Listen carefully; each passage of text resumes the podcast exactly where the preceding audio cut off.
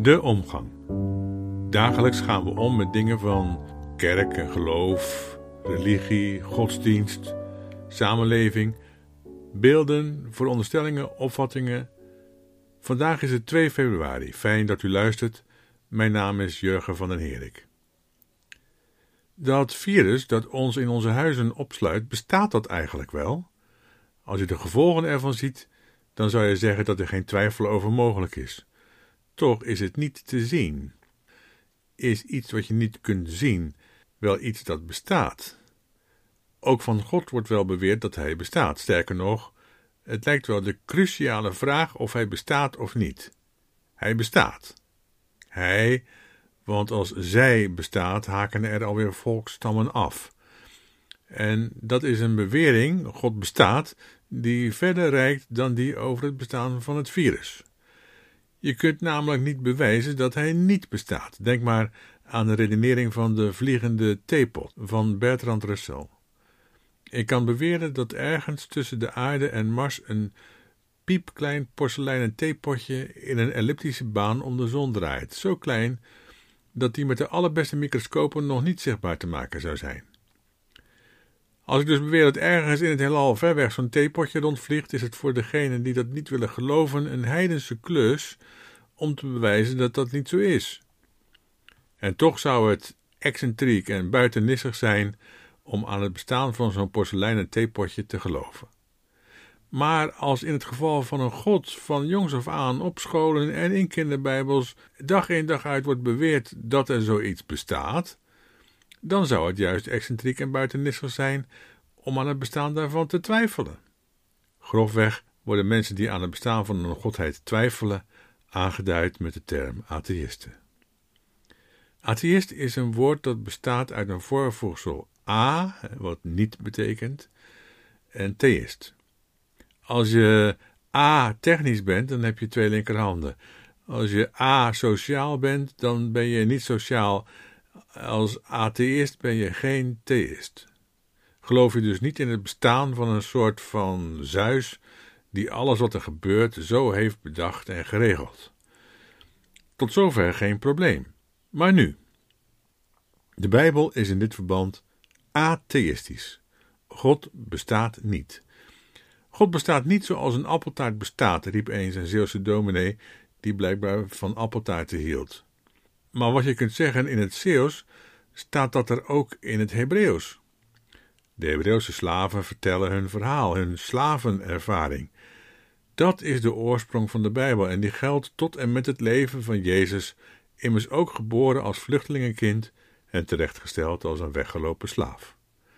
Maar Israël vertelt deze slavenervaring midden in een wereld die bol stond van de oorsprongsverhalen.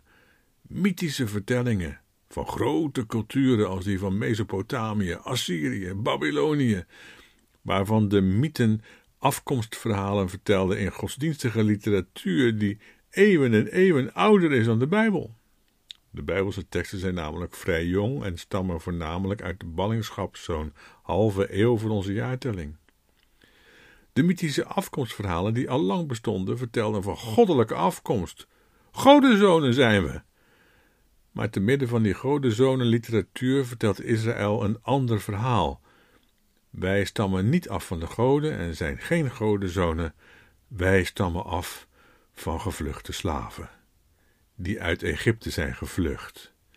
Een diensthuis dat vooral een godsdiensthuis was, vol goden en goddelijke machten, de Nijl als de god van de voorzienigheid voorop en vele goden daaromheen. Een diensthuis waarin we werden onderdrukt tot de dood erop zou volgen. Maar wij waren niet van die flinke jongens en meiden. Er was iets dat ons de moed gaf om te durven ontsnappen. En dat, dat wat ons de moed gaf om Farao te weerstaan, dat willen wij dan wel God noemen. Die stem die riep: Kom op, Verzet je tegen de zittende macht van de overheid, sta op uit de dood waarin ze je dwingen en kies voor de vrijheid en de gerechtigheid en tegen de heersende staat en de godsdienst van de heersers. Die stem willen we wel God noemen. Want dat woordje God is blijkbaar nodig om het überhaupt ergens over te kunnen hebben in deze godsdienstige wereld. Maar alles wat zich als God aandient, daar willen we niks mee te maken hebben. Dus wat voor mensen God is, die zou bestaan, is voor ons, slaven, helemaal geen God. Integendeel zelfs. Wij geloven daar niet in. Wij vinden de God die de wereld steeds naar voren schuift als een bestaande God, vinden wij een afgod. Een God die de farao's naar de mond praat en op de troon gezeten houdt, dan ben je wat ons betreft af. En zo is de Bijbel een door en door atheïstisch boek, die niet gelooft in een bestaande God, of een God van het bestaande wat één en hetzelfde is. De eerste christenen begrepen dat nog, en het is bijzonder dat zij in het Romeinse Rijk werden aangeduid als atheoi. De eerste christenen waren dus in de ogen van de hele hen omringende wereld atheïsten. Als je beweert dat God niet bestaat, dat je er geen beeld van hebt, zelfs geen denkbeeld, want dat is ook een beeld, dan was je een atheïst. Trouwens, dat is nog zo. Ik denk dus dat de christelijke kerk er heel goed aan zou doen om te leren door te krijgen waarom de oorsprong van die kerk een zuiver atheïstische is. En dat atheïst zijn niet een scheldwoord is, maar veel meer een geuzenterm. Bedankt voor het luisteren en tot de volgende keer.